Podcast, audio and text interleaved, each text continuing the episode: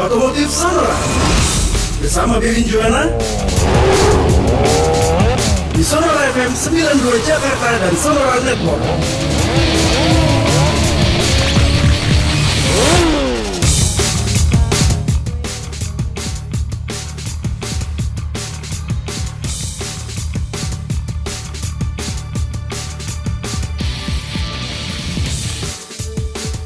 Sonora 92 FM Jakarta, News, Traffic and Music, dan juga Sonora di seluruh Indonesia pagi hari ini berkumpul bersama untuk menanyakan ke Pak Bebin. Aduh, keselak saya. Ya, untuk berbincang bersama dengan Pak Bebin dalam klinik otomotif Sonora. Tentu saja saya undang Anda untuk bergabung juga menyampaikan masalah-masalah tantangan-tantangan yang dihadapi dari kendaraan bermotor Anda. Dan kita akan jawab bersama dengan Bebin Juwana. Selamat pagi Pak Bebin. Selamat gini hari. Belum dong. Eh sudah lewat dong dini harinya. Emang dari mana nih? Amerika Serikat? Maksudnya ya jam segini ini. Oh. Iya siapa tahu nih dini hari karena Pak Bebin di Kanada. Bukan, enggak. Jadi tidak jauh-jauh, masih di ibu kota. Masih di Yang ibu kota. katanya lebih kejam dari ibu tiri. Katanya sih begitu. Hmm. Pagi ini Pak Bebin sempat olahraga? Oh udah, tadi kebetulan bisa bangun pagi sebelum setengah enam sudah ngontel sampai ke Walter Mangun City. Mm-mm. Lumayan kan? Lumayan. Sudah apa namanya bisa dapat keringat jalan-jalan. Cukup lah, ya.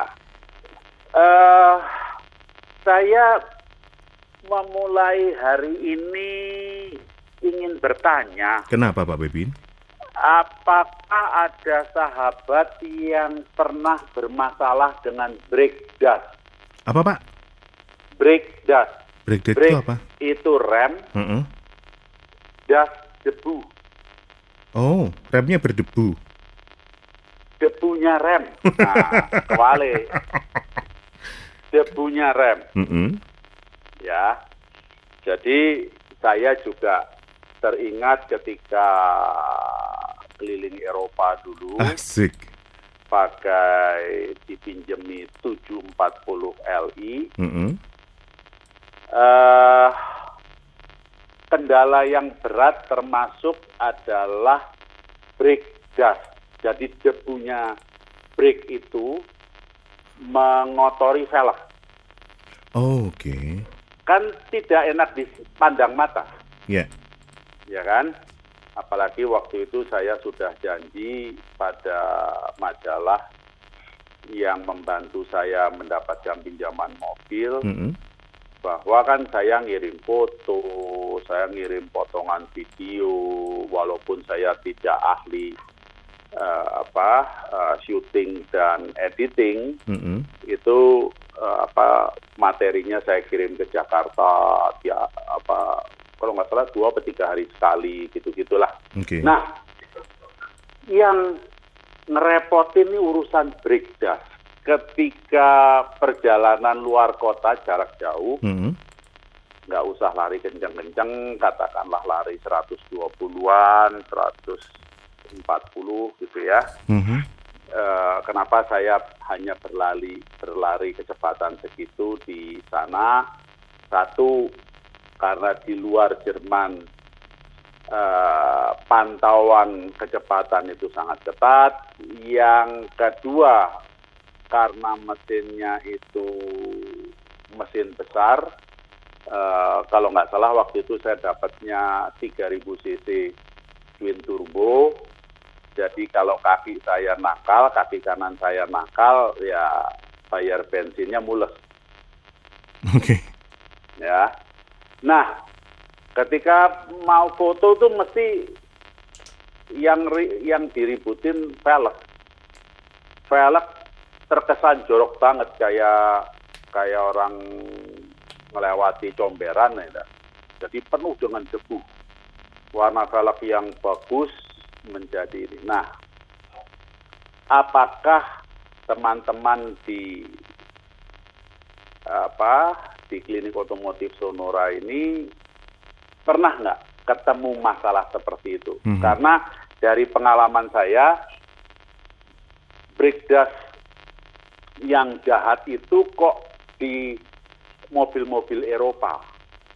Nah, Oh, oke. ceritanya ini coba saya sedikit ringkas. Pernah di tahun berapa saya lupa, itu dunia mengecam soal asbestos. Apa itu, Pak? Asbestos, asbes, asbes. Asbes, heeh. Nah, karena dulu itu yang namanya asbes itu kan bahan utamanya rem. Oh. Nah, Anda kalau remnya mau pakem, pakailah asbes.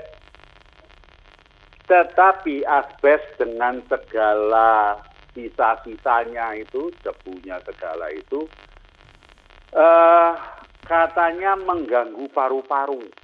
Oke. Mungkin Daniel ingat rumah zaman Daniel ini angkatan tahun piro tuh ya Jan-Jan nih? Kelahiran Masih- 80-an, Pak. 80-an itu masih ngalami plafon rumah pakai asbes Masih. masih ya? Masih. Nah, ingat kan waktu itu kan rumah kita kan pakai asbes Mm-mm. plafonnya. Mm-mm. Yang kalau eh, kena hujan jangan lama-lama nanti mobrol, Iya, ya kan? betul. Ambrol. Mm-mm. Asbes itu juga dipakai buat ini dan buat bahan rem. Oh teman-teman mungkin nggak banyak yang tahu soal hal ini ya.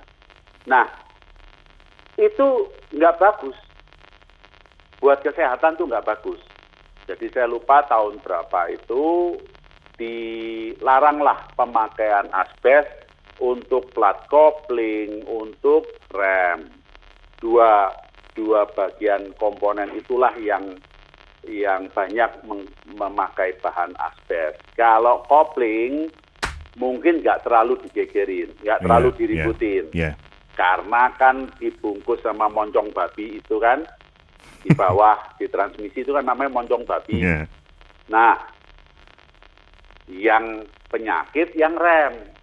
Tetapi dulu sekali saya kalau tarik benang merahnya ke tahun 60-an, masih, oh tahun 60-an si, si Nggak Daniel tahu saya, lahir. Velgnya kan velg besi, mungkin Mas Daniel masih ngelihat sisa-sisa mobil klasik yang velgnya besi. Rada tertutup, velgnya velg, orang ada yang bilang velg besi, ada yang bilang velg kaleng, velg itu lebih tertutup. Udah gitu ditutup lagi sama wheel dop, ada tutupnya lagi. Kalau Mhm. zaman awal-awal itu bahannya pakai eh, apa eh, bahan metal di krom, belakangan dunia otomotif makin ngirit, pakainya plastik, tutup dop plastik gitu ya. Mm, mm. Tapi waktu itu era-era dulu, makanya saya berpikir-pikir, kok zaman saya masih kecil, zaman ayah saya kok nggak ada yang jegeri ini sih.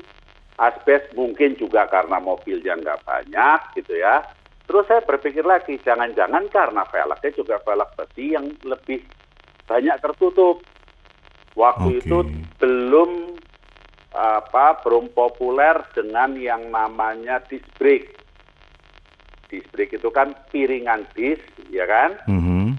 Eh, sehingga kalau memang rem kamu menghasilkan debu, debunya ke mana-mana. Iya. Zaman itu masih pakai rem tromol. Pasti kamu hafal, motor pun remnya rem tromol. Makanya jeleknya kalau remnya panas atau melewati genangan, pasti remnya jadi blong. Hmm. Tuh, ya. Nah, rem tromol terbungkus tertutup oleh drum.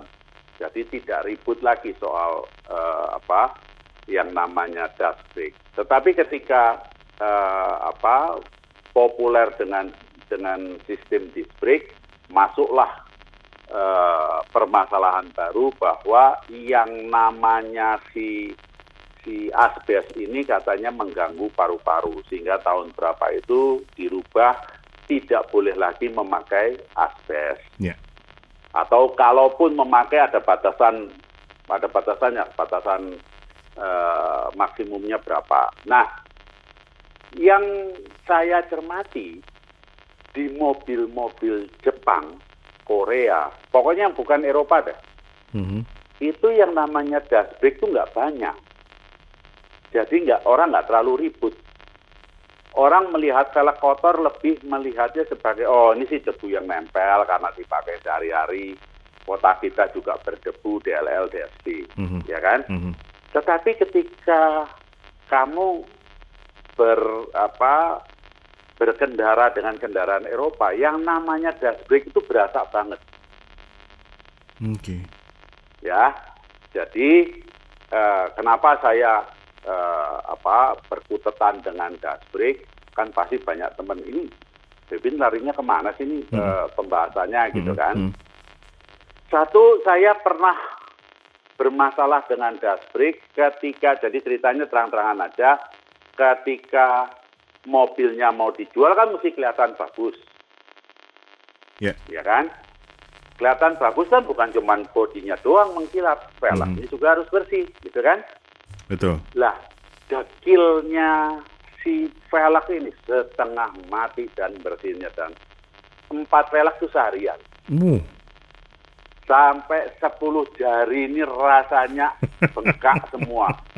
Buat tahu kan, kalau kamu kalau mau bersihin gelas misalnya Hmm. atau piring kan kamu tekan itu pakai pakai telunjuk, telunjuknya udah nyerah kalah pakai eh, jempol, jempolnya wah ini apa tempatnya agak sempit, masukin kelingking, kosok kosok kosok gitu gitu loh. Mhm.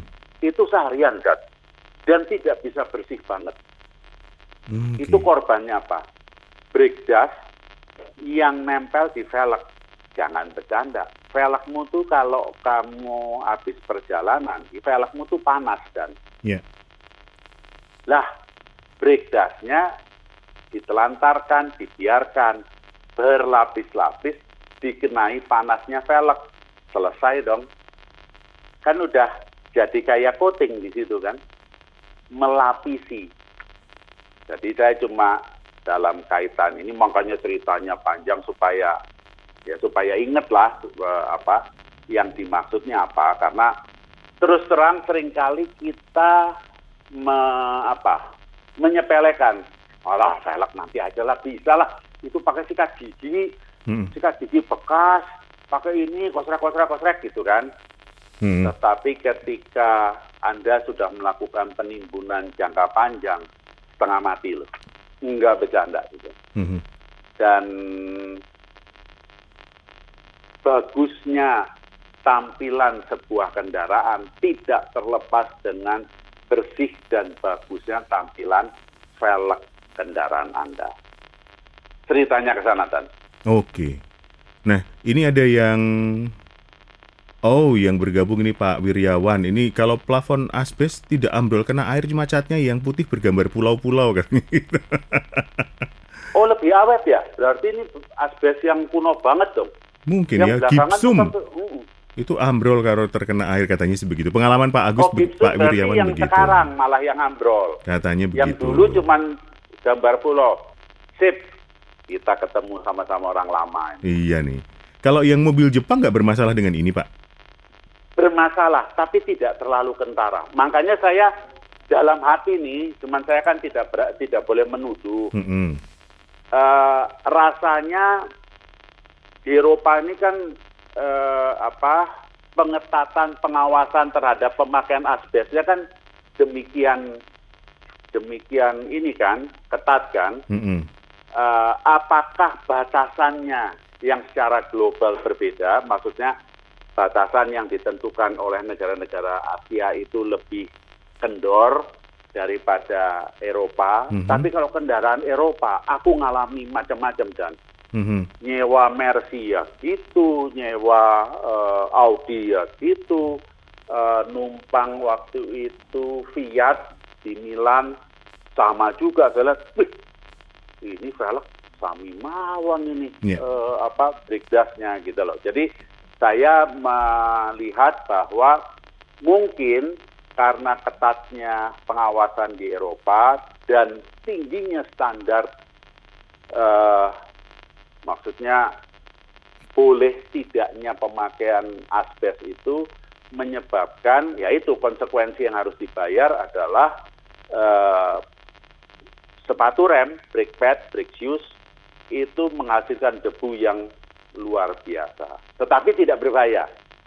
Paham ya Dan? Iya, iya, iya. Yang sekarang ini tidak berbahaya untuk paru-paru, Mhm. tetapi sangat jelek di penampilan karena, waduh ampun dah kan. Oke. Itu nggak bisa Kamu- diatasi dari awal, Pak. Loh enggak, diatasinya hanya dengan satu kata dan rajin bersihin. Jadi kalau kamu keluar kota, saya kalau di sana ya keluar Mhm. kota eh, lewat highway, Mm-mm. berarti velg panas dong. Iya. Terus di tengah jalan kena hujan.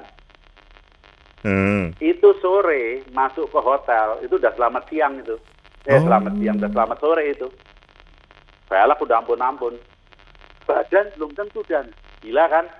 Jadi Hmm. karena jalannya itu tidak apa highway-nya tidak kotor, Iya. badan tuh ya kotor sih gitu ya. Tapi nggak kayak kita eh, apa di Jakarta lewat mana sih ya? Yang kalau musim hujan, wah mobilnya belepotan kayak keluar dari hutan itu loh dan Mhm. paham ya? Mhm. Karena air comberan bla bla bla Iya, gitu loh iya. dan di sana badan mobilnya ya kotor debu kena Mhm. air hujan ya Mhm. Nah, tapi karena mungkin karena kita larinya 100, 120 itu kan apa eh, tertinggal gitu kan. Maksudnya eh, lepas gitu ya. Sehingga yang tertinggal di bodi itu nggak banyak. Tetapi bicara velg, minta ampun. Hmm. Itu murni karena mobilnya, Pak, atau karena kondisi di sana juga Mobil. berpengaruh? oh, mobil. mobil. Jadi ketika dibawa Eh, Indonesia karena pun, tadi, hmm? Karena kualitas dari remnya. Hmm. Oke. Dengan apa namanya? Paling tidak Pak Bebin me- mengeluhkan ini gitu. Apa namanya? eh, ada konsumen yang concern terhadap ini. Para produsennya sendiri nggak nggak nggak notice soal hal ini Pak? Atau ya emang begitu rajin-rajinnya Eh, bersihin gitu? Saya sih gini, saya melihat bahwa di atas tahun 2000-an lah rasanya ya. Ya. Itu kan pernah ini dan kalau kamu perhatiin ya, kalau Mhm. kamu concern sama dunia otomotif ya.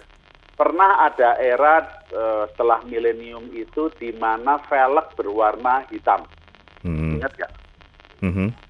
Terus eh, mungkin kalau hitam terlalu sangar dibikin agak warna-warna gelap.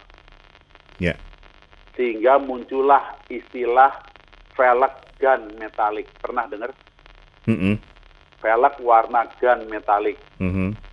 Pokoknya warnanya abu-abu agak gelap, gitu-gitulah.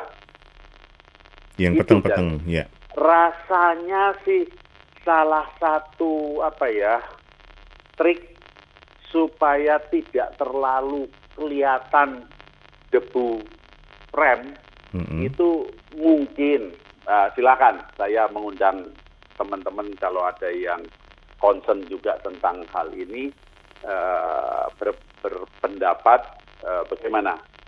Jadi sekarang ini kan kalau kalau Daniel perhatikan uh, sebuah tipe mobil rasanya pasti ada pilihan velg yang berwarna rada gelap. Iya, iya. Nah, itu untuk untuk tidak terlalu menampakkan jejak debu rem dan Oke. kan kamu jadi nggak terlalu ih Iya, iya. ini velg dekil amat sih Mm-mm, kan mm. gitu kan.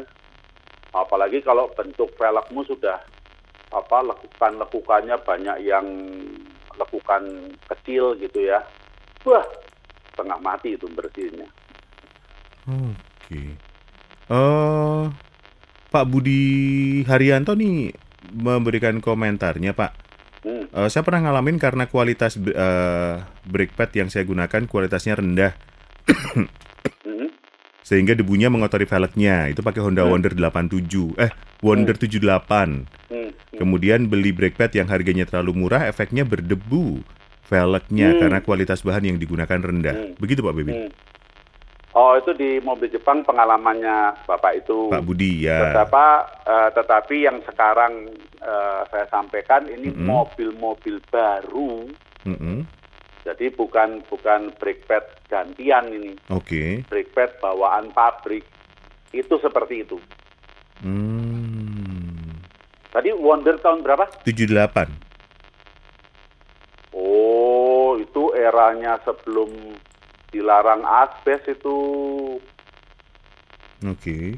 Ya kan, kalau Bapak itu ngalaminya di tahun 90, 80, eh 80, 90 dan awal-awal milenium itu rasanya belum di eranya eh, apa menekan pemakaian asbes dan kalau di saya, Yeah. saya dulu pernah pengalaman ngalami di tahun 90-an ketika eh, apa pilihan brake pad-nya ini eh, tidak mumpuni gitu ya. Mhm.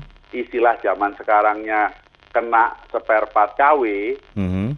itu rem berbunyi melengking. Wah, Oh. nyakitin oke. kuping tuh. Iya, Nyik, iya. nyik gitu kan. Mau dibuang sayang-sayang baru dipakai enam bulan. Jadi Mhm. bulan pertama, bulan kedua, bulan ketiga baik-baik saja. Sopan santun gitu kan. Begitu bulan lima, bulan enam ke arah satu tahun melengkingnya makin-makin. Nah kita zaman dulu ngatasinya apa? Kalau mau berangkat siram dulu sama air. Oh, Tapi kan oke. Tapi kan kalau sudah kering kan melengking lagi, jerit Iya, benar. lagi dia. Oh, Iya, apa ya siram-siram terus ya, Pak? itu kejadian. Oke. Em, nanti yang akan bertanya saya bacakan. Oh, ini ditambahkan Pak Tony. Uh, di di Los Angeles luar biasa loh jauhnya. Aha. Los Angeles, Ya. Nih, selamat malam Pak Bebin. Ya, di sini pagi. Iya. Terima kasih. Heeh. Betul kalau mobil Eropa masalah dash brake-nya lumayan mengganggu. Mobil Audi eh, Q5, Q5 ya. Fuel 5. Nah, Nah, nah. dengan rim two tone color kelihatan sekali kalau kotor. Beda dengan mobil Amerika, ya Ford dan sebagainya ada velg eh, tipe chrome. Masalahnya kalau yang US brake pad-nya yang composite campuran karbon dan keramik. Kalau Eropa memang asbes boleh masuk ke US karena oh asbes dilarang di Amerika begitu Pak Bebi. Hmm, hmm, hmm.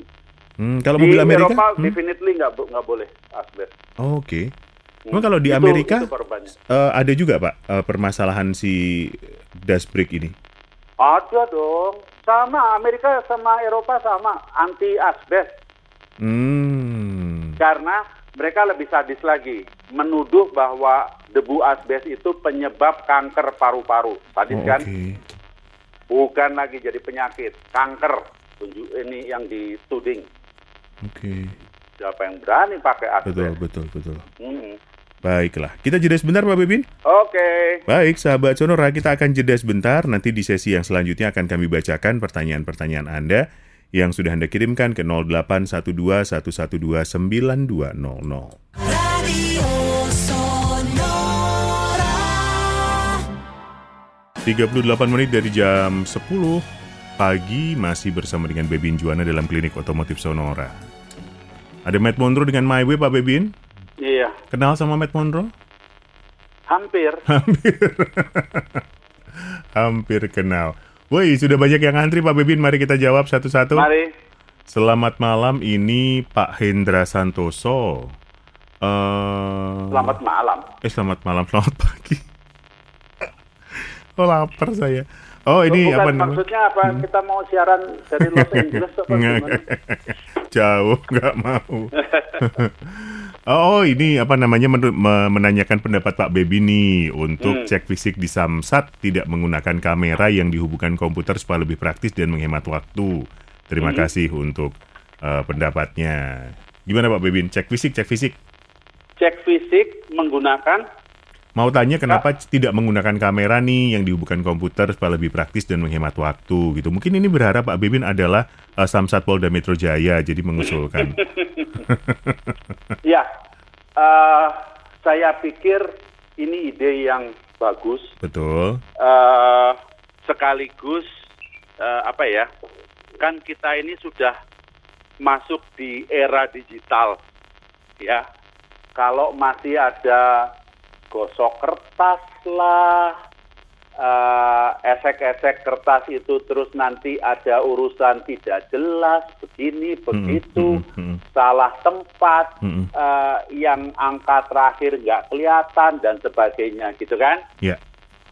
Eh, saya setuju banget saya setuju banget karena saya pernah ngalami dari jam 10 pagi sampai jam 5 sore tidak berhasil dapatkan esek-esek yang beres Oh, waduh.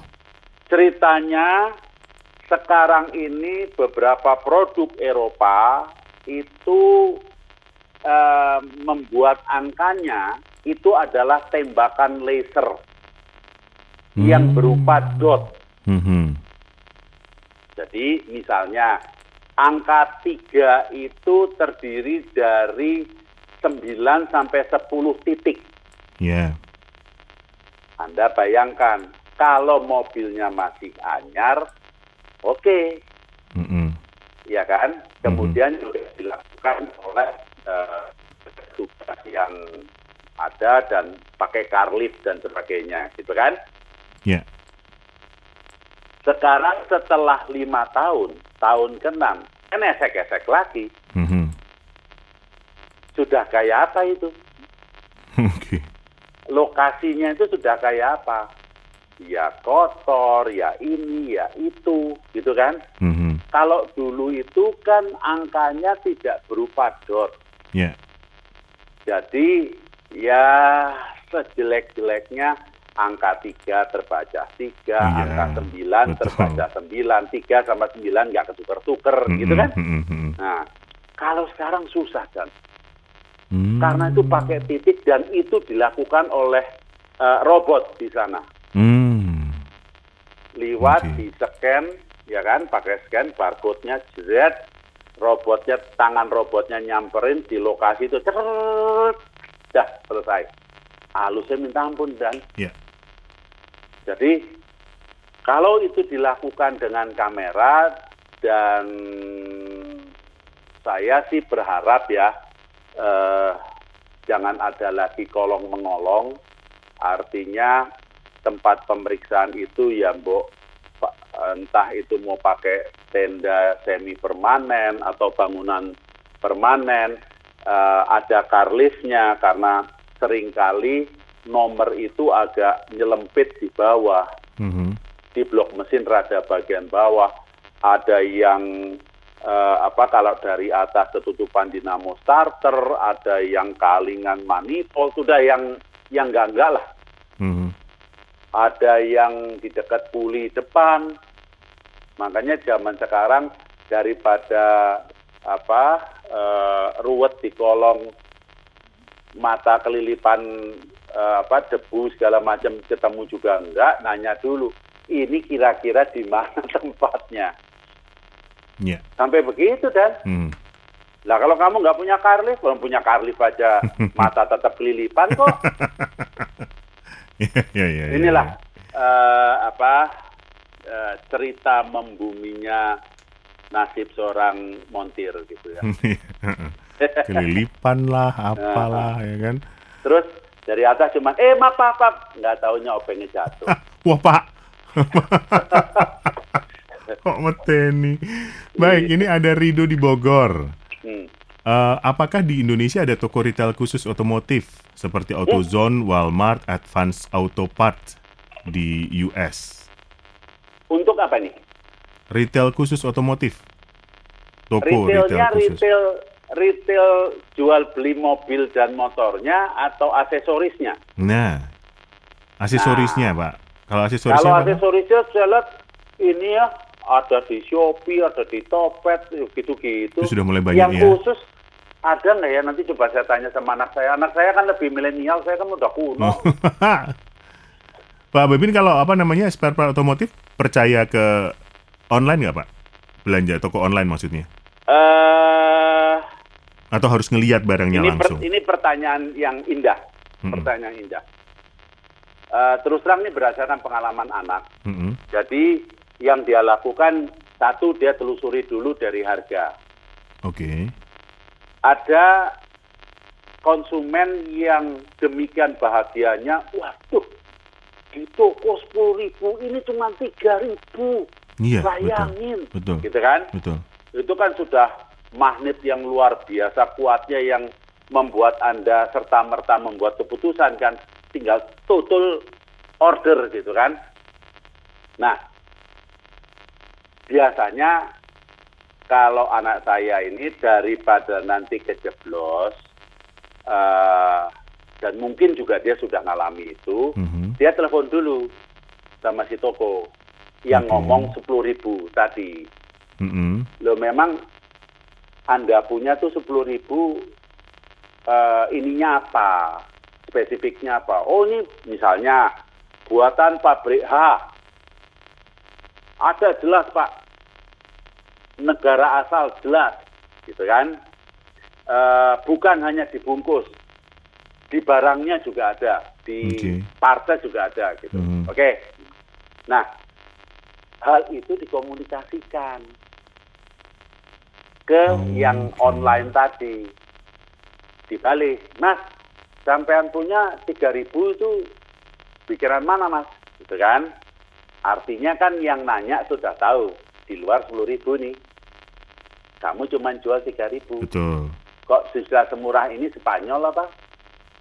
Hmm. Gitu loh. Spanyol ngerti ya? Enggak. Apa, Loh. Pak? Buatan ngertos. Buatan, Pak. Spanyol itu separuh nyolong. itu bahasanya montir yang lagi nyari spare part itu gitu. Hmm. Iya. Iya, iya, Maksudnya iya, ya iya. separuh nyolong itu kan pengertiannya bisa saja spare part nggak legal, selundupan. Heeh. Atau Gitu. tada, Terus apa ada namanya? yang tanda-tanda KW tadi. Heeh. yang Atau terima kamu pakai tadahan ya, seminggu ya. brodol lagi. Waduh. Malah baut kamu jadi dol. Iya, iya, iya. Itu kan kisah nyata. Mm-mm. saya ha- apa eh, sekarang ini benar-benar sedih kalau udah membahas spare part itu benar-benar sedih. Mm-mm. Dulu zaman SMA apa yang rusak gini-gini diajarin sama montir kamu bukanya gini-gini gini. Oke, copot. Berhasil nyopot kan? Sembari diinget-inget nanti masangnya baut ini duluan, ring ini jangan lupa bla bla bla. Naik oplet, berangkat ke Senen. Dulu di Senen ini apa eh, belanjanya. Sebelum ada segitiga Senen segala macam belum ada eh, ini dan beli di situ. Balik naik mikrolet lagi atau sambung pakai bis PPD, masuk kolong pasang lagi, selesai dan Hmm. Itu kalau selesai puasnya luar biasa. Bukan minta dipuji sama ayah, bukan. Puasa luar biasa. Gua bisa yang ini. Oke. Itu loh dan Iya, iya. dan iya. selesai gitu kan. Tapi kalau hari ini, wah dapat nih online murah. Mm-mm. Ya udah cobalah gitu kan. Mhm. Pakai itu dipasang. Eh, oke loh.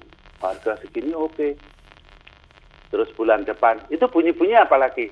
Ya bunyi lagi sih, dia lagi. ya, masa ngolong lagi? Ya selamat siang lah. Boyoan ya Pak kalau ngolong lagi ya Pak. Loh bukan masalah itu tok dan Heeh. yang tadi saya bilang begitu kita apa perhatikan ternyata jerat baut kita jadi Nah, iya. rusak. Betul. Kenapa? Karena terjadi kendor, dia goyang-goyang, gede-gede, gede-gede, Mhm, gede-gede. mhm. Kan lama-lama rusak bautnya, Mhm, mhm. Ya kan? Oke. Jadi Nah, Pak terus kita Mhm, mikir, ini baut yang asli di mana dapatnya mhm, ya? mhm. Oke. Tuh. Next, Oke. Jadi Pak Bebin lebih memilih untuk offline ya Pak, biar kelihatan Loh. barangnya. Eh, gini, online beberapa kali eh, belakangan ini belum lama kok, dua minggu yang lalu itu it's okay. Mhm. Malah eh, surprising, surprisingly barangnya eh, bagus gitu kan. Mhm, mhm. wah ini keren nih kalau bisa dapat begini dan ya udah udah dua minggu nggak ada masalah kok gitu ya artinya eh, saya tidak melulu eh, musuhi online Oke. tetapi kita harus hati-hati yang di online nggak beres juga ada itu Mhm, maksud mhm, saya mhm. Oke. jadi eh, apa kehati-hatian tuh adanya di pihak kita gitu loh supaya nggak repot Baik. Oke, lanjut lagi. Ini ada Hmm. Bapak Agus Gunawan. Uh, Apakah efek samping secara teknis selain dari harga jika menggunakan bensin beroktan tinggi ya. Ini RON 98 untuk kendaraan dengan perbandingan kompresi sekitar 9,5 banding 1 dan mesinnya standar. Tidak ada, Hmm. tidak ada efek negatif. Kemarin itu, nah ini kebetulan ngomong soal ron-ron lagi kan. Mm-mm. Kemarin itu saya berpikir ini hari Jumat, pas siang, mestinya jalanan lenggang. Karena saya males banget gitu kan. Ya, Spesial keluar hanya untuk beli bensin kan males banget gitu. betul. Tapi ketika itu tidak dilakukan, lah saya mendadak misalnya tahu-tahu kepingin, ayo jalan gini-gini. Ya bensinnya seperempat, Mm-mm. nanti mesti berhenti di rest area. Gitu-gitu tuh malas gitu Hmm, kan. hmm. Mendingan diniatin dah. eh, ini jam lenggang, kita tahu jam lenggang, kita ini. Nah, kebetulan itu eh kemarin itu ke pompa bensin di ini apa namanya Tanah Abang itu loh, Mm-mm. Tanah Abang belakangnya BI, Iya. ya kan ke situ. Lihat tolah toleh ini yang kosong pompanya eh, pertama apa? Pertamax plus istilahnya apa? Pertamax plus ya? Pertamax Pertamax turbo. turbo. Nah, turbo, gitu kan? Pertamax turbo. Saya ini kan jangan dibilang apa-apa hafal tuh janganlah. Saya jauh dari sempurna. Pertamax turbo tuh front piro toh ya, gitu kan? Noleh ke atas. Oh, 98 gitu. 98. Mobil pun mintanya berapa sih? Buka tutup bensin Oke. ya kan? Buka tutup bensin ada tulisannya minimum RON 95. Oh, Oh, saya nggak salah dong. Bener kan? iya. Terus tak pikir-pikir, ah tapi kalau kepepet pakai pertama suruh nggak apa-apa. Eh, kita masih membuminya begitu kok, ya kan? Baca lagi. Pertama tuh berapa sih? Oh 92. Ya wis, gitu. Jadi diinget-inget. Eh, turbo 98, pertama 92. Nggak apa-apa, nggak ada set efeknya. Oke. Karena kalau sudah di kelas pertama, Mhm. setahu saya komponen-komponen unsur-unsur kimia pembersih dari sebuah bahan bakar itu sudah ada, Oh. sudah cukup mumpuni. Ya.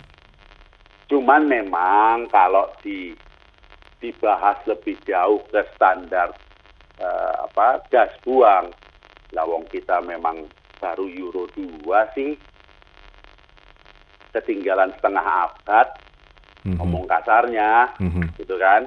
Orang-orang udah Euro 5, Euro 6, kita masih Euro 2, apa enggak sangat-sangat tertinggal. Makanya saya berharap cepat-cepat masuk ke Euro 4. Ya syukur-syukur ada bahan bakar yang Euro 5 sehingga kendaraan kita, mesin kita ini jauh lebih awet Oke. gitu loh. Zat-zat negatif yang mampu memperpendek usia atau kinerja mesin itu dihilangkan. Mhm. Sebetulnya proses eh, apa pembuatan bahan bakar yang bagus itu kan mestinya seperti itu dan Ya. jangan unsur-unsur atau apa apa kimia yang masih terkandung di dalamnya tuh masih ada di situ. Mhm. Nah, ketika masuk pem- proses pembakaran di mesin kita kan ya ninggal kerak Iya. lah, apalah membuat karat ini ono gitu Kotor ya, loh. Pak ya. Hmm. Oke. Baik, dari Pak Agus Gunawan. Semoga menjawab saya ke Pak Tri. Jazz Hmm. 2016. Eh, Indikatornya. ABS apps. ABS, ah, kenapa? sudah beberapa minggu ini selalu nyala. Hmm. Saya bawa ke bengkel resmi, monternya bilang harus ganti. Harganya nggak murah nih, di atas 10 juta. Hmm. Apakah bisa alat tersebut diservis atau memang harus diganti? Eh, punya nggak? Ini saya bukan inilah, saya eh, ikut prihatin karena Hmm, hmm. angka. Saya Hmm. beberapa kali mendengarkan eh, angka-angka part dari bengkel resmi memang membuat galau dan pilu, Mm-mm. pilu hatiku. Ya. Diguyu loh. Jadi gini, eh, kalau punya kenalan bengkel umum, ya, kalau punya kenalan bengkel umum, karena ini kan saya dengarnya sejak 2016. Betul. Terus kok rasanya kan ini mobil kan juga mestinya tidak punya masalah lah dengan dengan kelistrikan kalau kecuali kalau udah di otak atik gitu. Tapi saya tidak tidak menangkap gelagat itu. Ya. Tidak ada modifikasi apa-apa yeah. Ya. Wade apa apa shock breaker di oprek-oprek apa. Saya kan tidak menangkap eh, gelagat itu, Mhm. ya kan? Coba ke bengkel biasa, bengkel umum, bagian ini dibersihkan. Oke. Jadi bukan di Ya mungkin mau pakai istilah di servis monggo lah. Dibersihkan. Di roda itu ada bagian sensor yang membaca. Mhm. Terus mungkin ada bagian yang memproses data Ya. dan seterusnya dan seterusnya. It- yang yang kedua dan seterusnya itu mungkin hanya diperiksa apakah ada kabel yang kejepit atau pernah melewati genangan keciprat eh, belepotan bekas belepotan lumpur atau Mhm, apa gitu loh. mhm, mhm. Walaupun tempatnya cukup tersembunyi gitu Mhm, ya. mhm. Eh, tapi yang di roda, saya kok curiga sama yang di roda ini jorok minta ampun. Oke. Ya saya nggak nyalain, memang, memang kondisi tadi kan kita udah cerita kondisi jalan kita kan ketika hujan dan sebagainya kan memang kotor gitu kan. Jadi eh, hati kecil saya tuh, aduh ini paling kotor nih kali. Oke. Kalau rusak tuh alasannya apa sih rusak gitu kan? Ya. Jadi Nah, makanya ke dibersihkan. nah, karena kalau ke beres lah gayanya kayak gitu begitu dia tancepin dia punya ana- analisis itu alat analisis yang mahalnya puluhan juta itu kan Mhm. terus di situ tulisannya eh, apa ABS error lah dia kan cuman buka price list ujungnya Iya. ngecek juga enggak Oke. ayo sekarang tanya sama bapak tadi pak siapa Pak Tri. Pak Tri, Pak Tri itu mobilnya orangnya sempat ngolong buka roda depan atau apa sebelum memberikan eh, usulan ganti 10 juta itu enggak. Mhm. Saya sih penasaran. Oke. Kalau montir muda-muda sekarang kan gayanya gitu, colok, ya dong, Mhm. anak milenial, digital, ya kan? Wah, ilmunya kan ilmu kelas tinggi, kelas eh, bulan sana, ya kan?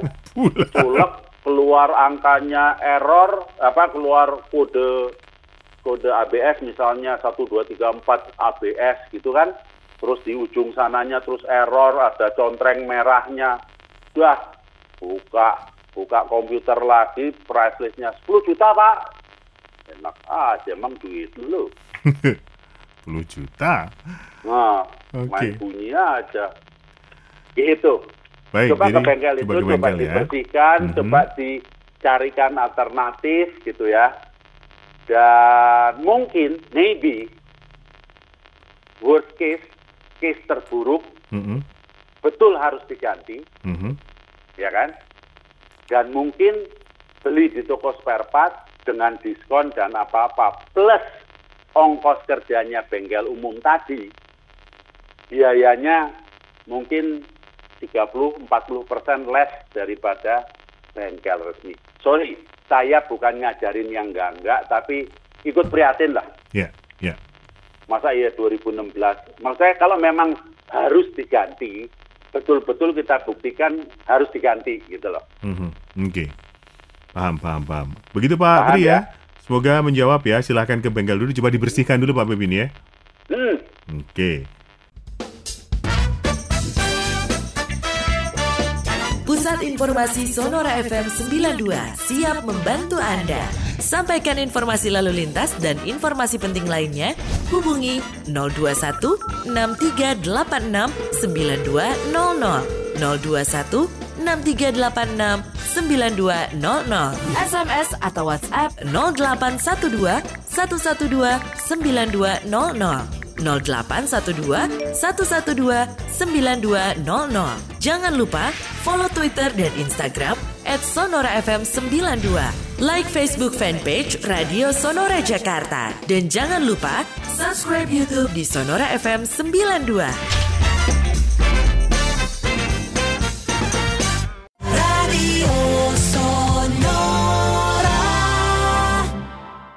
Terima kasih yang sudah bergabung pagi hari ini di 0812 112 9200. Oke, tadi ada Pak Tri yang bertanya tentang Honda Jazz-nya. Silakan buat Anda yang mau bertanya lagi, boleh ya. Kita akan menjawab pertanyaan-pertanyaan Anda. Jangan lupa untuk klinik, klinik otomotif Sonora ini hadir di setiap hari Sabtu, jam 10 sampai dengan jam 12 siang. Pak Bebin. Iya. Kita lanjutkan dengan Ibu Rara di Matraman. Uh, mm -hmm. Saya pernah setel AC mobil dingin mm -hmm. maksimal. Mm -hmm. 5 menit kemudian sama sekali nggak dingin, hanya angin. Mm. Setelah mm. itu saya matikan dan saya pasangan uh, saya pasang dingin tidak maksimal sudah normal lagi. Mm -hmm. Ini kira-kira kenapa ya Pak? Saya uh, jadi trauma untuk setel dingin maksimal. Jadi begini, ketika dingin maksimal itu kan semua dimaksimumkan, termasuk kinerja dari kompresor. Oke. Okay. Nah, ketika dinginnya maksimal itu mungkin jauh lebih rendah dari batasan yang semestinya. Misalnya, maksud saya begini, misalnya kebetulan Anda berada di gunung, mm -hmm. ya kan?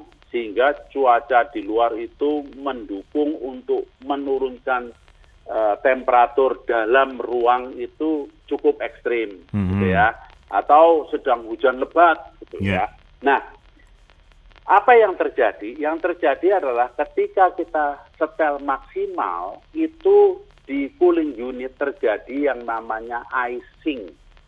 Icing okay. itu adalah pembentukan ice Pembentukannya di mana? Di sensor temperatur.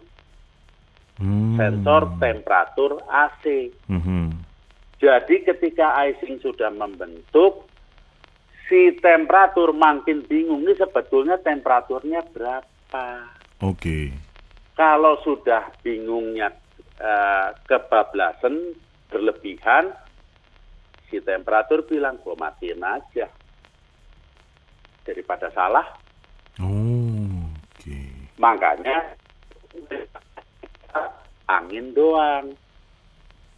Oh, Atau gitu. memang karena icing tadi memblok apa terjadi blocking uh, sebagian dari uh, cooling unit.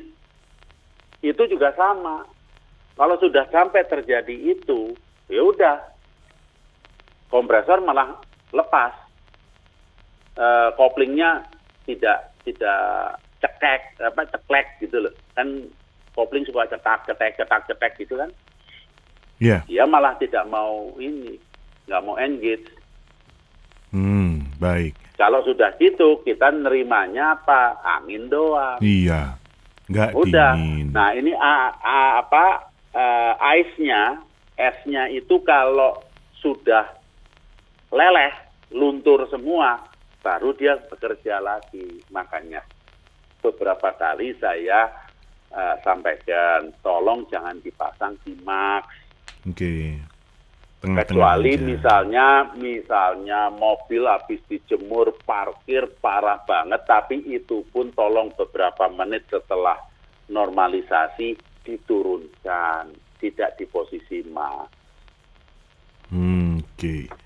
Baik, begitu Bu Rara, semoga... Oh, satu hal Ibu iya, Rara ya. -hmm. Satu hal ini mobil tahun berapa? Sudah pernah servis AC apa belum? Hmm, Saya okay. kok ma apa ya?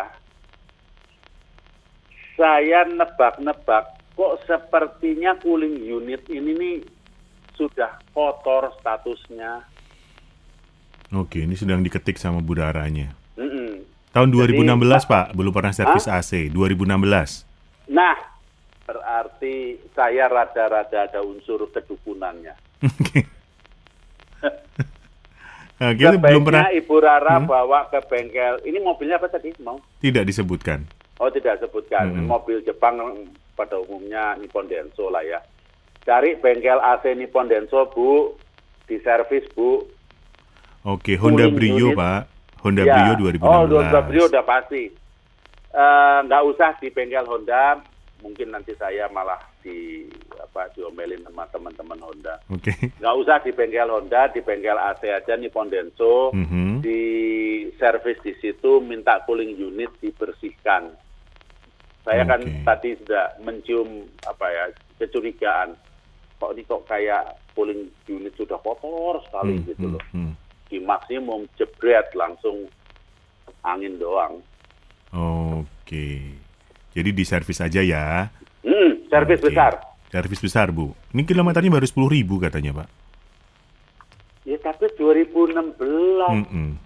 lele. Sudah 4 eh 4 tahun ya, Bu. Eh, Pak. Iya. Ya, servis Bu, servis. Baik, kemudian ini Pak Budi Haryanto dihapus message-nya nggak jadi saya baca. Pak Wiryawan eh, pakai Innova 2010. Hmm. eh velg depan selalu berdebu kehitaman, velg belakang bersih. Padahal velgnya abu-abu terang. Menurut teknisi Auto 2000 karena jenis brake pad-nya model baru. Pada Innova 2005 itu tidak mengalami hal tersebut, Pak. Nah, itu dia. Mm-mm. Satu, brake pad-nya baru, artinya asbesnya rendah sekali atau mungkin non asbes. Kedua, di depan itu disc brake, jadi debunya akan ke mana-mana. Di belakang drum brake, debunya nggak bisa ke mana-mana. Hmm. Eh, konsekuensi yang harus dilakukan apa? Jangan lupa ya, setiap enam bulan atau minimal setahun sekali, minta bersihkan rem belakang. Oke. Karena yang depan debunya sudah sudah apa eh, ke mana-mana kan Iya. mengotori velg kan Mhm. sementara yang belakang itu disimpan di dalam debunya Oke. cilakanya ketika debu begitu banyak di dalam terus anda men- me- apa melewati genangan nanti pada saat musim hujan dan sebagainya Mhm. Nah itu kan nanti ada debu-debu yang yang ini loh, yang seperti berupa gumpalan-gumpalan gitu loh, Ya. dan Ya. iya kan, Mhm. Ter- apa eh, bisa terbayangkan kan? Mhm. Nah itu kan makin was pokoknya enam bulan satu tahun maksimum rem belakang bongkar bersihkan. Hmm, Oke. Baik. eh Pak Hansing Lau, selamat malam. Selamat malam. Kenapa saya selamat malam mulu sih? Selamat pagi. Kamu biasa dinas malam ya? Bukan? Ya, Satpam saya, Pak. Iya. Satpam, Oh jenisnya jaga gedung. Oh iya iya iya. iya. Supaya antenanya nggak Oh, dikejar oh, orang antenanya ya. nggak ke mana-mana. Pak Bebin mohon pencerahan dari Pak Hansing Lau. Untuk Nissan Kick yang baru launching kemarin, Hmm. Keunggulan dan kelemahannya apa ya Pak? Karena dia pakai mesin sebagai genset baterai litium dan mobil jalan dengan tenaga listrik dari baterai bukan dari mesin. Kelemahan yang saya bisa bayangkan satu-satunya saat ini ya, saya Mhm. belum bisa bayangkan yang lain, Mm, mm, adalah apakah kita mampu berubah dan mengikuti kendaraan tersebut. Malah kitanya Pak. Iyalah manusianya lah. Mm, mm. Jadi saya kemarin mendengar apa dan juga mendapat forward dari teman eh, YouTube-nya tentang teknologi yang dianut oleh oleh Nissan Mhm. itu bahwa eh, mesinnya itu tidak menggerakkan roda, Oke. tapi hanya sebagai eh, apa? Sebagai charging dari baterai. Ya tadi sebagai generatornya baterai. Mm, mm. Jadi mesin itu eh, akan hidup secara otomatis untuk ngisi baterai yang sudah mungkin di batas berapa persen harus melakukan pengisian. Oke. Nah, tadi saya katakan yang saya bayangkan adalah orangnya. Ya. Kita sebagai pemakai, sebagai pemilik kendaraan harus bisa eh, apa berubah Mhm. karena tidak lagi seperti eh, masih memakai kendaraan biasa yang sekarang ini Mhm. mesin motor bakar Mhm. gitu loh Oke. ya kan lah seperti apanya saya juga belum pernah nyoba mobil listrik yang eh, mesinnya tuh hanya mendukung melakukan charging Mhm. Oke. dalam arti eh, berapa cepat melakukan chargingnya, ya kan? Kemudian harus dalam kondisi apa, gitu-gitu loh. Ya. Ini yang yang saya sulit membayangkan Oke. Dan ya tadi eh, gaya berkendaranya ingat loh mobil listrik itu lebih cepat daripada mobil motor bakar jangan main-main Oh. ya iyalah listrik dan But but but kamu but, begitu kamu begitu ngidupin kipas angin memang muternya weng weng weng weng weng weng weng enggak kan Iya. cetek rrrr. tombol Hmm. satu RPM-nya sekian, tombol dua RPM sekian, tombol tiga buanter sekian. Mhm, mhm. Kan instan dan Betul. listrik itu kan instan dan emang kayak Iya. motor kamu di gas, hmm, Hmm. gitu kan, oh, baru Betul. over lagi berikutnya kan, Betul, betul. Oh, Dia kan- oke. dia kan transmisinya apa? Oh, transmisinya cuma maju dan mundur, nama netral, Iya. udah. Oke, jadi malah apa namanya? Kitanya nih penggunanya nih yang harus apa namanya punya banyak PR untuk menyesuaikan Exactly. diri. Exactly. menyesuaikan dirinya tuh gimana. Tapi kalau saya baca dan saya apa yang saya cermati di YouTube, ini Mhm. teknologi Nissan ini sangat menarik. The Oke. idea, Oke. idenya itu bahwa mesin sebagai uh, generator charger tidak Hmm. lagi nyari colokan culek sana culek Mhm, sini ini mhm, yang berapa mhm. enggak gitu.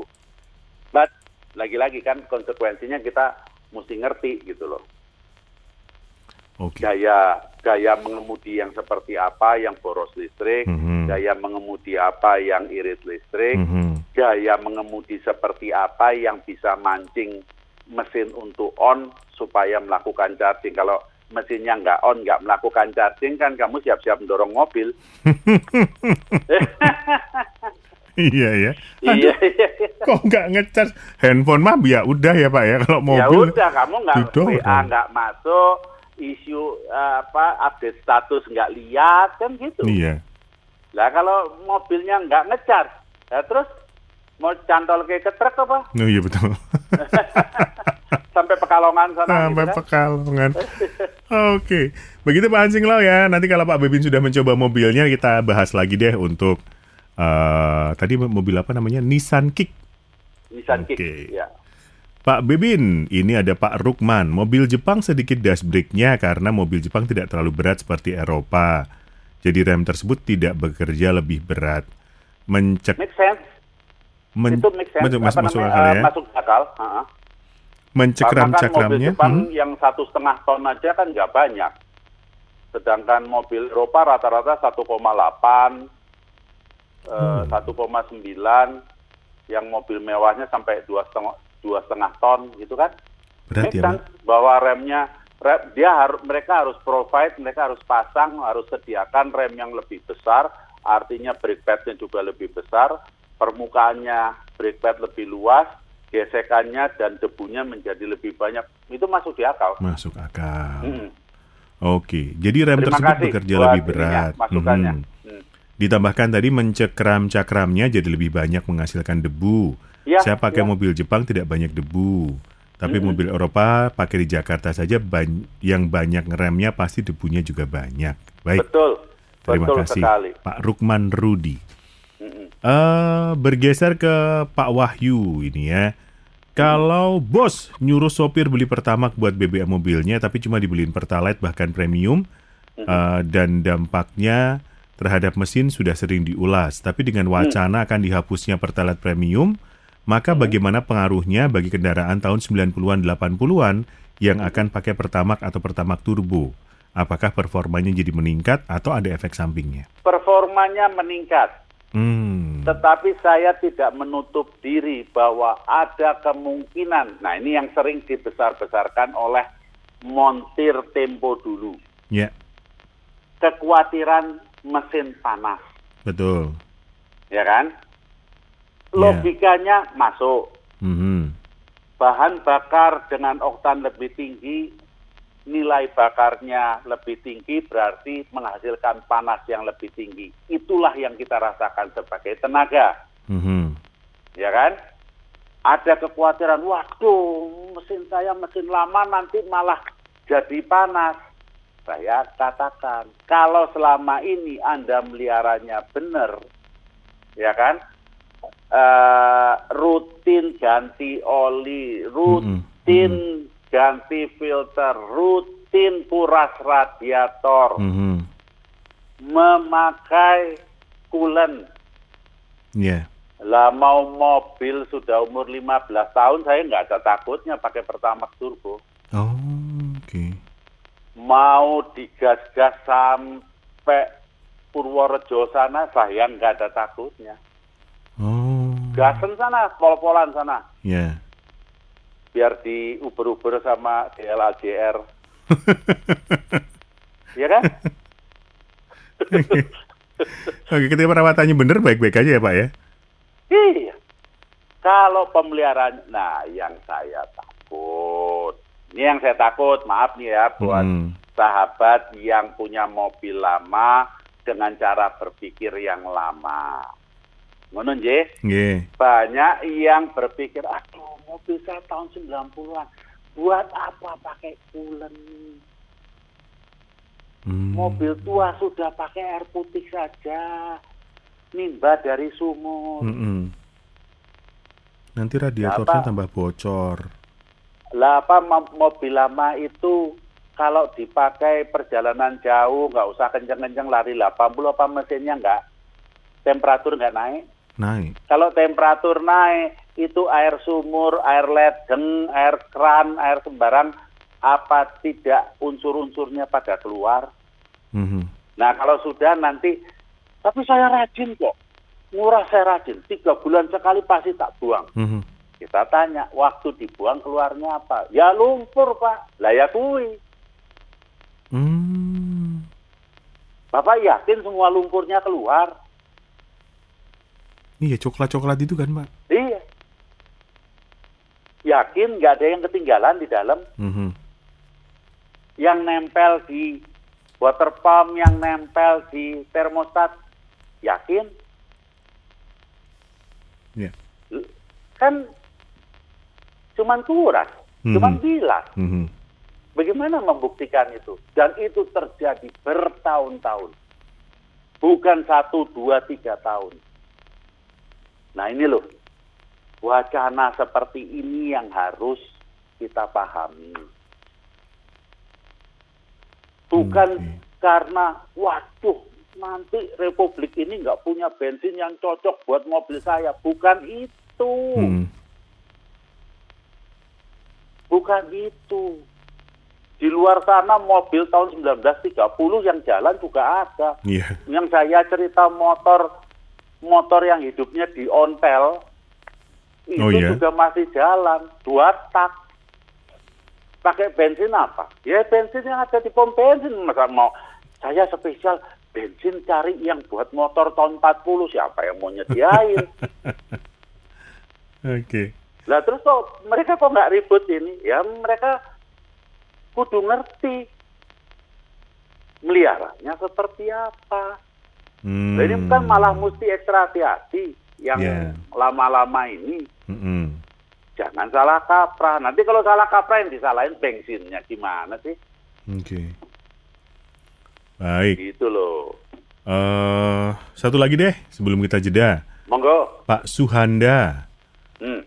eh Jadi, oh ini terkait dengan tadi Nissan Kick tadi nih. Saya dapat kabar bahwa sudah melaunching Nissan sudah melaunching mobilnya di Indonesia dengan mesin e-power yang jauh lebih efisien daripada mesin hybrid. Uh, minta diulas Pak Bebin lebih detail tentang kecanggihan atau kelebihan dari mesin e-power ini. Oh, Gitu. mesin apa? E-power, E-Power. e-power. E-Power tuh yang mana? Uh, Nissan yang baru, yang baru di Oh. launching. Iya, iya, iya, iya, iya. Mhm. iya. Mhm. Sekarang mobil yang masih grass pun bisa dibeli dengan on oh online. Oke tadi soal online ya. Mhm. Ah, ah, mesin e-power Pak, mau dibahas di satu episode tertentu mungkin minggu depan gitu. Oh, kalau gitu ya saya tak belajar dulu daripada Boleh. nanti. Mau Gitu ya. belajar dulu. Pak Suhana ya, minggu depan ya. apa. Minggu depan kita bahas lebih dalam ya tentang e-power ini ya. Mhm. Oke, selamat siang lagi. Ada siapa ini?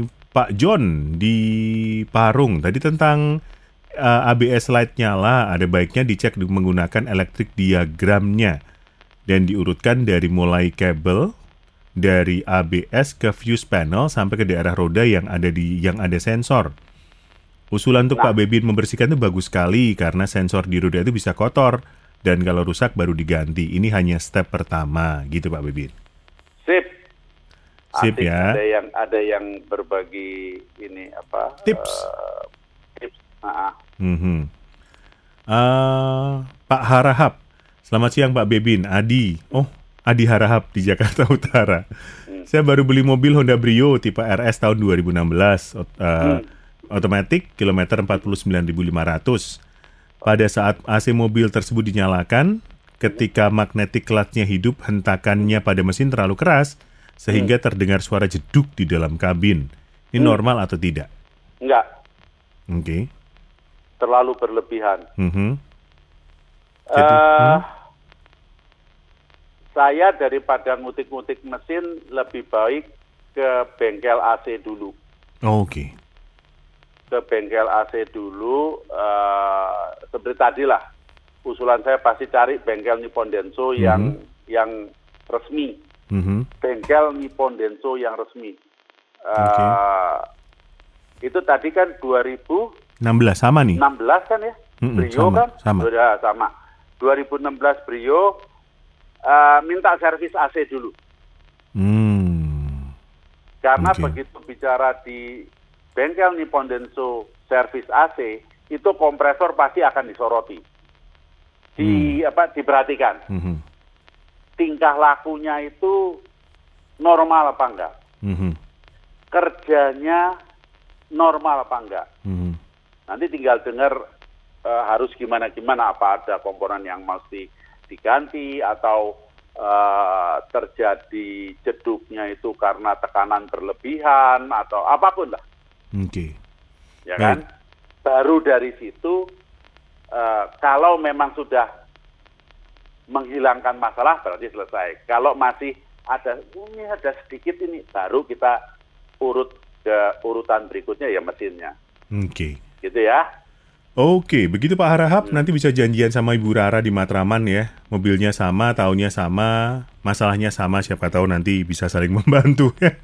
Oke, jeda lagi Pak Bebin. Ya, Kita jeda sebentar sahabat Sonora, kembali lagi di Klinik Otomotif Sonora sampai dengan jam 12 siang nanti. Radio Sonora. Kita lanjutkan di sesi yang terakhir Klinik Otomotif Sonora 5 September 2020 di siang hari ini. Eh, kita berlanjut dengan Pak Fadel, Pak Bebin. ya.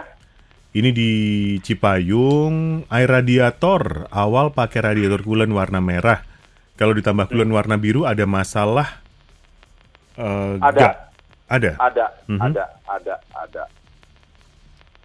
Yang Jadi harus- namanya coolant Hmm. jangan dicampur-campur. Oke. Terserah warnanya merah, biru, kuning. Mm-mm. Yang biru terlepas door gitu kan. Mhm. Itu kan lagu balonku. Hijau Pak, hijau, hijau. Oh hijau ya ya salah salah. Zaman zaman dulu hijau ya, zaman sekarang biru mungkin. Oh iya. Jadi eh permasalahannya begini. Mhm. kan judulnya saja sama. coolant. Tetapi kan isi belum tentu sama. Ya. Isi apa kandungan kimianya belum tentu sama. Kemampuannya belum tentu sama. Ada coolant yang bisa menahan air tidak mendidih di 103 derajat. Saya pernah ketemu ada coolant yang mampu menahan air tidak mendidih di atas 110 derajat. Luar biasa kan? Iya. Karena air mendidih di dalam sistem pendingin itu adalah kondisi yang terburuk yang bisa Anda bayangkan Mm-mm. Gitu. Oke, kita kembali ke urusan bulan. Saya nggak peduli merek. Mau mereknya A, B, C, saya nggak peduli. Mm-mm. Saya tidak peduli warna dari kulit, nggak peduli. Tapi tolong, tolong banget jangan dicampur-campur. Oke. Itu Yang aja. pernah saya alami Mhm. Eh, karena tidak tahu kulen warna hijau campur apa waktu itu, kok mesinnya panas. Mm-mm. Ketika radiator diintip terbentuk gel. Oh. Gel. Oke. Kalau anak kecil kan seneng gel kan makan gel. Iya. Terbentuk Kenyal-kenyal. gel. Iya. Heeh. Oh, dibuka oke. di water pump ada gel dibuka di, waduh langsung apa kalau orang Jawa bilang derdek gitu loh Iya. gemeter Iya, iya. ini sih mesti dibongkar semua Waduh. nah gel ini ada di mana aja kan kita nggak tahu Iya, iya. dan cara membersihkannya kalau gelnya gel lepas sih ya walaupun nasib sudah jelek masih mendingan gitu kan Mm-mm, mm-mm. Nah kalau gelnya model lengket-lengket wah ya Iya, susah juga ngelepasnya ya. Nah, makanya saya berbagi cerita bukan karena saya ahli eh, apa eh, kulen apa ini enggak Mm-mm. sama sekali saya tidak pahami itu kimiawinya apa dan Mm-mm. apa yang sudah pernah saya alami. Mhm. Tetapi dengan pelajaran masa lalu itulah saya ingin berbagi supaya Anda penggemar eh, pendengar kok penggemar pendengar klinik otomotif Sonora tidak perlu mengalami apa yang saya alami. Hmm. Oke, begitu Pak Fadel. Semoga menjawab. Jadi ya kalau kan? misalnya airnya berkurang, kepingin begini-gini, kuras, kuras bersih, yakin tidak ada sisa, Anda isi air baru lagi, Anda mulai lembaran baru dengan misalnya tadinya warna hijau, sekarang saya pakai ulen warna merah, itu misalnya. Oke. Tapi mulailah lembaran baru, bukan campur menyampur. Oke, mulailah lembaran baru ya kan.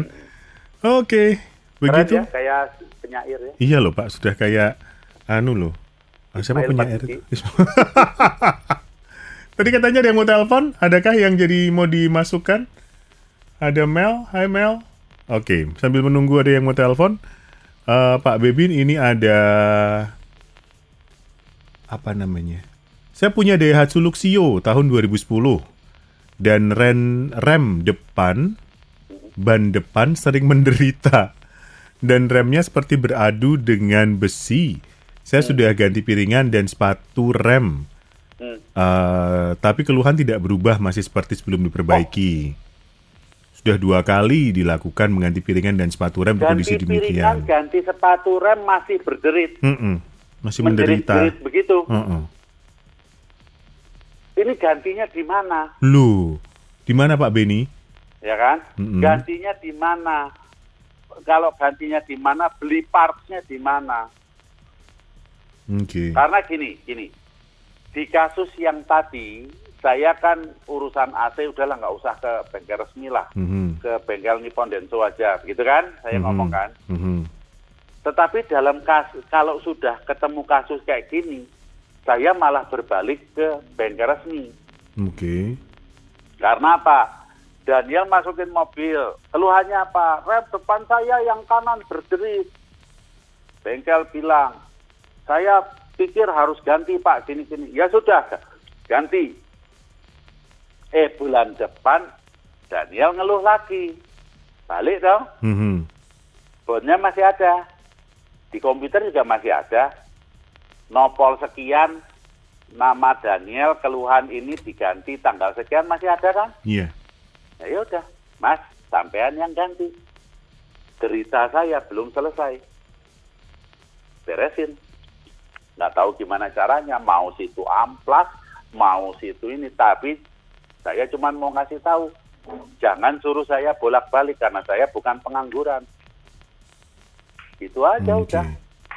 Jadi sometimes kadang itu ke bengkel resmi itu ada ada ininya dan ada hikmahnya gitu Iya, loh. iya. Bahwa ketika spare part dia yang ngadain, nah kalau bengkel resmi kan masa spare partnya bohong gitu kan? Iya. Masa spare partnya spare part KW? Ya kalau lu berani bermain api ya terbakar sendiri kan gitu. tinggal maksud saya terbakar sendiri ya tinggal dinaikkan ke itu tadi apa Daihatsu kan? Mhm. Ya di kok masukin ke Daihatsu call center nih bengkel ini bagaimana ini? Saya sudah empat kali balik nggak beres-beres gitu Iya, kan? iya. Oke. Baik, begitu Pak. Siapa tadi namanya Pak? Pak. Pak Beni, Pak Beni. Hmm. Oh, Pak Beni ini menambahkan, ganti di bengkel per, spare part di toko spare part. Nah di bengkel spare part ya eh, cobalah dimintai pertanggung jawab kalau dia eh, masih mau tanggung jawab ditukar tapi gitu-gitu aja ya berarti kan barang dia memang barang KW gitu loh. Oke. Ngerti Mhm. saya model-model eh, apa pasar spare part Kemayoran gitu kan. Mhm. Begitu datang begitu didongkrak dia yang pasang barangnya barang dia gitu kan. Mhm. Nah, tapi kalau kalau ini ya masa sih nggak jemu bolak-balik ke situ wong ya masih jerit-jerit juga. Iya. Oke. Kemudian saya ke Rahmat di Cikarang. Hmm. Mau tanya, Avanza 2010 saat setir diputar RPM naik sampai di atas 1500 hampir 2000 terus turun lagi. Itu normal atau enggak? Model setirnya pakai pompa belum elektrik pal. Mobil apa? Model setirnya masih pakai pompa belum elektrik. Mobilnya Avanza 2010.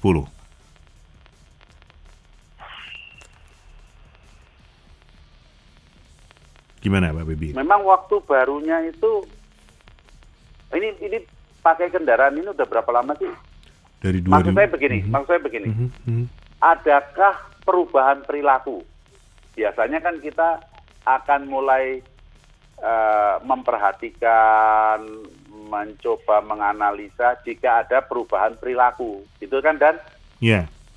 tapi kalau dari dulu memang begitu, maksudnya begitu dihidupkan, ngeng dulu naik ke 2000 RPM baru turun, ya mungkin yang namanya idle up kerjanya seperti itu.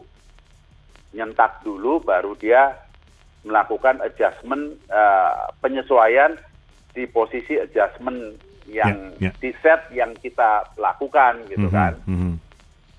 Tetapi kalau dari dulu seperti seperti itu berarti kan karakter dari idol up-nya kan memang seperti itu mau, mau diapain lagi gitu loh. Adakah Oke. yang berubah? Kalau oh dulu enggak enggak gitu. Nah kalau dulu enggak berarti coba kita perhatiin yang eh, menjaga RPM stasioner itu komponennya yang mana gitu kan? Apakah eh, karena dimakan usia, apakah karena kondisi fisik, apakah karena titik-titik-titik eh, sehingga kerja dia itu nggak normal. Mhm. Cara berpikirnya kan ke sana dan Oke. Baik, begitu. tadi siapa yang mau telepon dan? Nggak tahu nggak jadi telepon sepertinya ya sudah. Oh, sudah mau selesai juga. Eh, Pak Dani Gunawan, eh, mau share Pak Bebin tentang oktan untuk bensin ini ya. mm, Eh, sepertinya kalau premium dan pertalite dihapuskan eh, kurang relevan karena sepengetahuan saya pemilihan oktan lebih didasari tingkat kompresi mesin mobil, bukan sekedar teknologi atau umur. betul. Sebagai Betul. ilustrasi, saya coba Datsun Go dengan premium pertalite pertama rute Lembang Pemalang dengan cara menyetir yang sama. Hasil pertalite adalah BBM hasilnya pertalite adalah BBM yang paling tepat. Selain bertenaga juga lebih irit dibandingkan Pertamax, otomatis lebih hemat. Setelah saya cek, ternyata memang kompresi mesin Datsun Go lebih cocok untuk Pertalite atau Oktan 90. Hmm. Gitu sharingnya. Kemudian, aja, Mhm. setuju aja. Makanya eh, saya kan juga pernah cerita bahwa oktan 87 di Eropa, di Amerika, di Kanada saat ini tuh masih ada, Mhm. ya kan? Oke. Lah konyolnya kita ini sudah terbiasa ketika bicara bahan bakar yang kualitasnya mumpuni itu dikait-kaitkan dengan oktan, Oke. dengan oktan number. Itu loh. Saya setuju banget. Apa yang disampaikan dengan pembuktian, itu kan pembuktian yang sudah dilakukan sendiri, nggak bisa dibantah gitu kan. Mhm. Mhm. Nah, itu saya setuju banget. Jadi menghapuskan istilah apakah itu pertalite, apakah itu premium, itu kan cuma nama. Menurut saya itu kan bahasa marketing, Mhm. ya kan? Ya tinggal sebut aja bensin 87 titik udah. Bensin 92 titik Oke. gitu kan. Ini kalau kalau bicara ini. Tetapi kualitas dari bensinnya yang 87 sampai ke 98 itu sama. Oke. Hanya yang dibedakan oleh uangnya itu murni hanya oktannya. Kalau Hmm. sekarang kan enggak. Iya. Oktan itu seolah-olah me- juga men- sekaligus menjamin kualitas. Ya jangan begitu. Kritiknya kita kan gitu. Ya. Oke, begitu ya. Terima kasih sharingnya Pak Dani Gunawan. Kemudian ini ada siapa namanya? Pak Indra. Mobilnya Foxy. Sudah dua tahun, kilometer 10.000 ribu. Hmm, Kalau servis dan ganti oli satu tahun sekali ada masalah atau enggak? Karena mobil jarang dipakai. Ini sering kita bahas nih setahun Pak. sekali nggak ada masalah. Nggak apa-apa ya. Jangan lebih dari 12 bulan. Hmm, oke. Yang dikhawatirkan bukan apa-apa, jarang dipakai juga nggak ada masalah. Eh, yang dikhawatirkan adalah kandungan air yang ada di dalam blok mesin. Mm-mm. Karena pada saat nggak dipakai, kandungan air itu turun dan ya artinya ya ada di tempat penyimpanan oli di bawah, walaupun mereka tidak bersatu. Mhm. Oli dengan air kan tidak pernah bisa bersatu. Hmm, tapi kan oke. akan mengganggu kerja, akan mampu menghasilkan karat. Oke.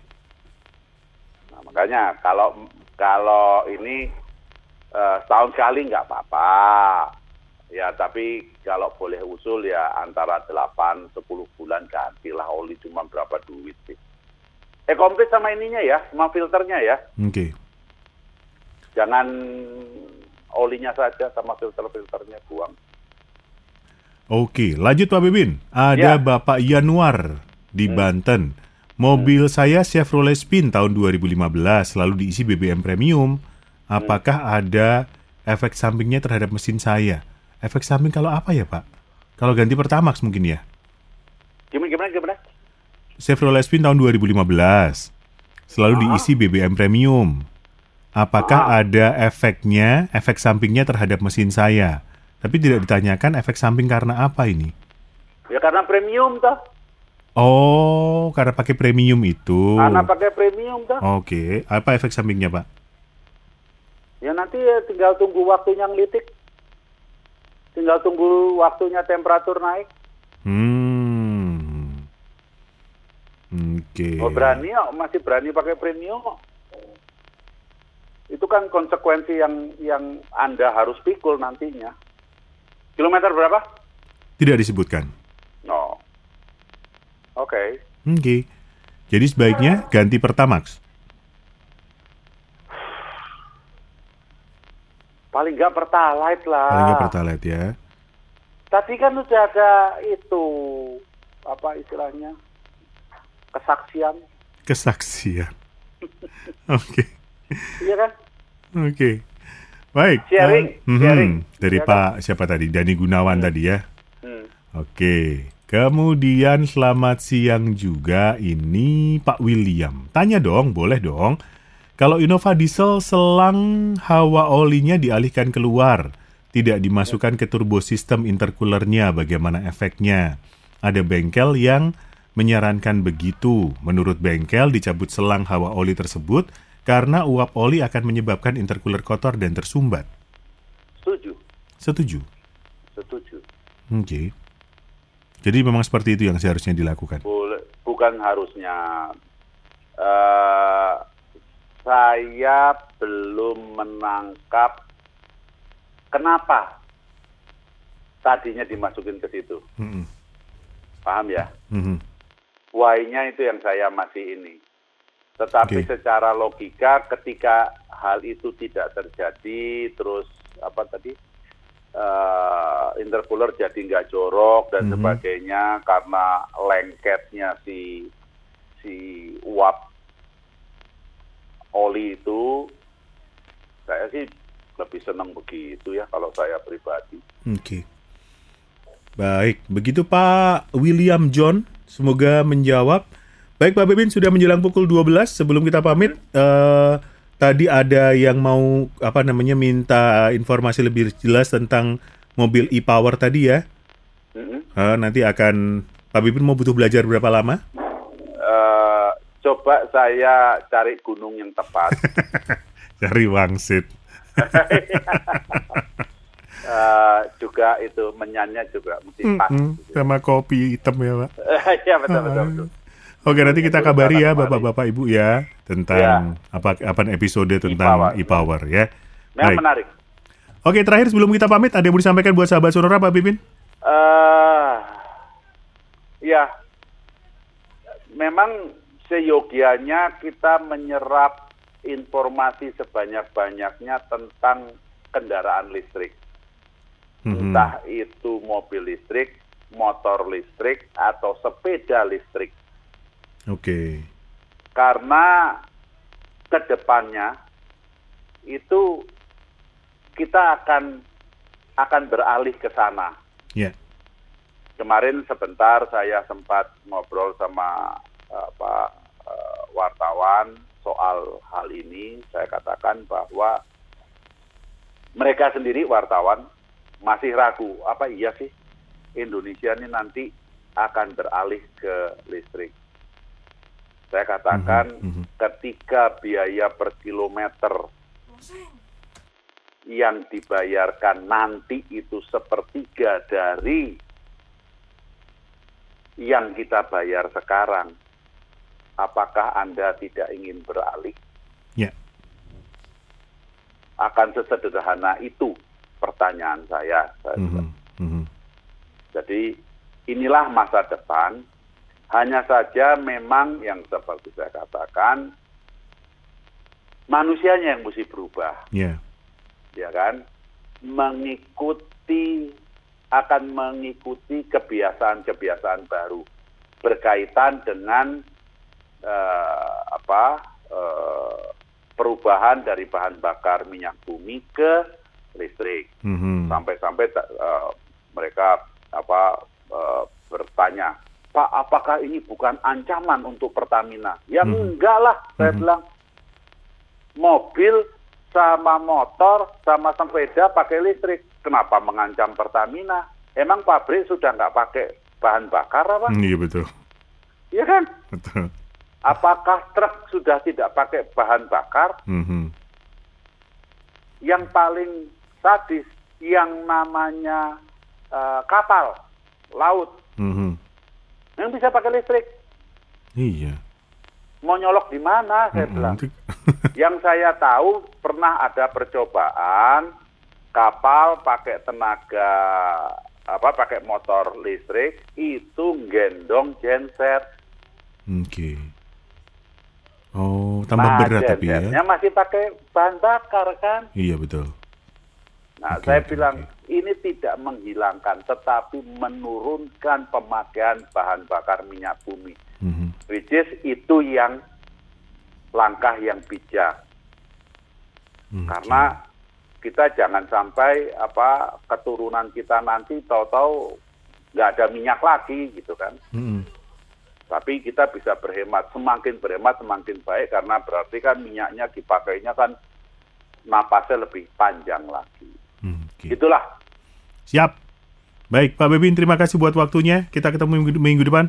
Minggu depan kita bahas lagi permasalahan-permasalahan otomotif kita. Baiklah. Terima kasih. Sampai jumpa.